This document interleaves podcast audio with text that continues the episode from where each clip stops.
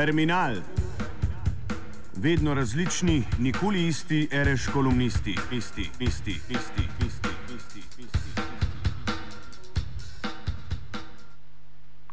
Kultura in razredi. Ta klasičen marksističen naslov je treba šele opredeliti in ga uvesti.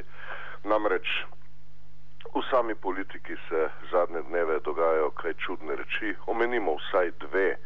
Uh, eno je predlog predsednika republike za imenovanje senata protikorupcijske komisije, mar ni korupcijsko dejanje že samo, sama želja, samo stremljenje po imenovanju protikorupcijske komisije nekje z vrha.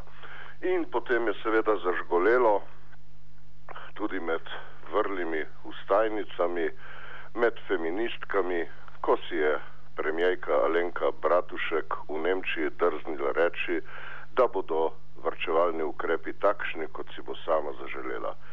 Vrhunec feminizma, celo primerjajo jo z Angelo Merkel, z vrsto feminizma Margaret Thatcher, torej res prekrasna družba in to v času, ko vemo, da je feminizem bolj kot ne zdrknil v identitetne prakse in da že dolgo, dolgo v glavnem nima emancipacijskega naboja, kaj šele, da bi se udeleževal antikapitalističnega boja, kot je to znal početi še pred 20, 30 in več leti. Takšne so torej prakse v kulturi političnega odločanja na tako imenovanem parketu v zadnjih dneh.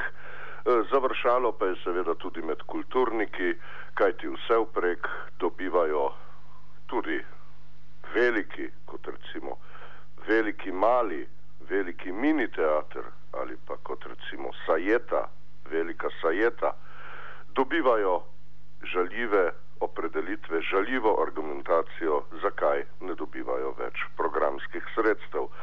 Ena od takšnih argumentacij se recimo glasi, da sam festival, pozor, nima zagotovljenih dovolj sredstev, se da nima dovolj sponzorjev in nima dovolj donacij.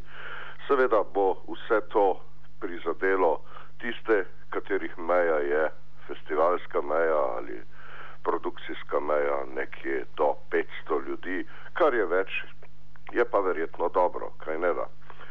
Zadeva se zelo pretanjeno in nič kaj premišljeno umešča v celoten pogled na kulturno stanje stvari, bomo rekli kar takole čez prst za zadnjih 40 let, kajti če kje, potem se sistem odločanja in sistem uh, subvencij na kulturnem področju pa tam nekje od ustave 1974. leta dejansko ni spremenil in še vedno ustreza načinu interesnih skupnosti, republiškega komiteja, mestne konference in tako dalje in tako naprej. Samo zadevo seveda ne bi bilo nič narobe, če ne bi izrazito stremela po tem, da se vsa umetnost, intermedijska, večmedijska, žanrska, nadžanrska, čezžanrska, obžanrska, da se torej vsa umetnost preveč pogrezne v kulturo in kot tako jo je seveda težko financirati mimo in zdaj smo pri vrhuncu današnjega prispevka, mimo povzročanja razrednih razlik. Kako je namreč mogoče, odkot pravzaprav sama ta ideja in kako sploh lahko preživimo v to vrstnem trojem razredu, kjer imamo kulturo prvega razreda, se pravi javne zavode, kjer imamo kulturo drugega razreda, se pravi v glavnem zasebne zavode oziroma tisti, ki so vzeli četrt ure faksa o alternativi 80-ih in si v začetku 90-ih naredili svoje firmice in kjer imamo kulturo tretjega razreda, to so tisti, ki ne dobijo milijon, ne dobijo sto tisoč, ampak dobijo nekaj tisoč, torej tretji razred, tako imenovana alternativa, torej tisti, ki so se, kaj ne da, premalo znašli ali kaj, ali ker niso šli v zasebno javna partnerstva.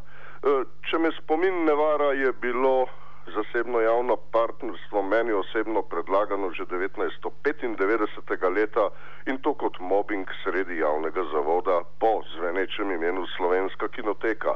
Mar ne bi ti osnoval društva in potem pri nas izvajal programa? Ne, ne bi, jaz bi izvajal program pri vas. Potem ga izvajaš, potem mine 12 let in seveda zakazen, te nihče ne zaposli. In potem ti te firme niti ne tožiš ker so v njej tvoji bivši sodelavci, sodelavke, tvoji prijatelji. Ne boš tožil menda revežev, ki so na podobnem kot ti. Skratka, zgodba razrednih razlik se plete dalje in seveda, kjer so razredne razlike, tam so tudi razne bolezni, razni tujki, spački, alieni in tako naprej. Izraz tedna je sono poet, sono poetesa. Ko sem prvič videl, da vodnikova domačija, ki se veliko ukvarja z zvokom, oglašuje naprimer nastop Elde Willer kot sono poetese, sem najprej mislil, da je to neka spančna italijanščina, io sono poetesa ali io sono il poeta, da, da je to nekaj takšnega, to da ne. Elda Willer, sono poetesa, zvočna pesnica.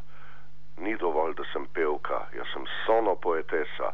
In sploh ta zvok, ta zven, sound, son, sonika, vse to se plodi po našem kulturnem polju in beži iz glasbene sfere. Pozor, alarm, uzbuna, zvok beži ven iz glasbe, ker je tam že tako preveč popraskanega denarja za druge reči. Torej, zvok beži v svet umetnosti, v svet arta. Tam ga ustoličimo. Artist je namreč več vreden od muzičista. Jaz sem samo muzičist, one ne, jaz sem pa sono poeta, jaz sem pa zvočni umetnik. E, te zadeve seveda zbujajo nove razredne skomine in skačajo tam nekje ja, med umetniki drugega in prvega razreda, torej se gibljajo nekje na ravni muzejev, dediščine, javnih zavodov, galerij in seveda tistega zasebništva, ki ima status kulture drugega razreda, kot smo že prej rekli, tisti, ki so na hitro postrgali znanje o alternativi 80-ih, jo po možnosti skrčili zgolj na punk rock, morda še na radio študent, naredili svojo firmico in ki so zdaj kulturniki in kulturnice drugega razreda. Tretji razred bo zdaj, zdaj zahteval svoje pravice. Ko bo vas zvok odšel od muzike, ki nas napaja, ko bo vse šlo v art, ko bodo vsi dogodki nabuhli, nališpani, ko bo en sam kras, ko bo vse sam simbolni lišp, kot bi rekel Simon Fried, ko bodo vsi festivali samo še ozaljšani in producirali neko nadlokalno kulturno posebnost, tedaj se bo prebudil tretji alternativni kulturni razred ves zvok bo artističen, tam bo pa ostala sama muzika, nekje na cesti, tam bo delovalo, tam bo šele zazvenelo. Živeli.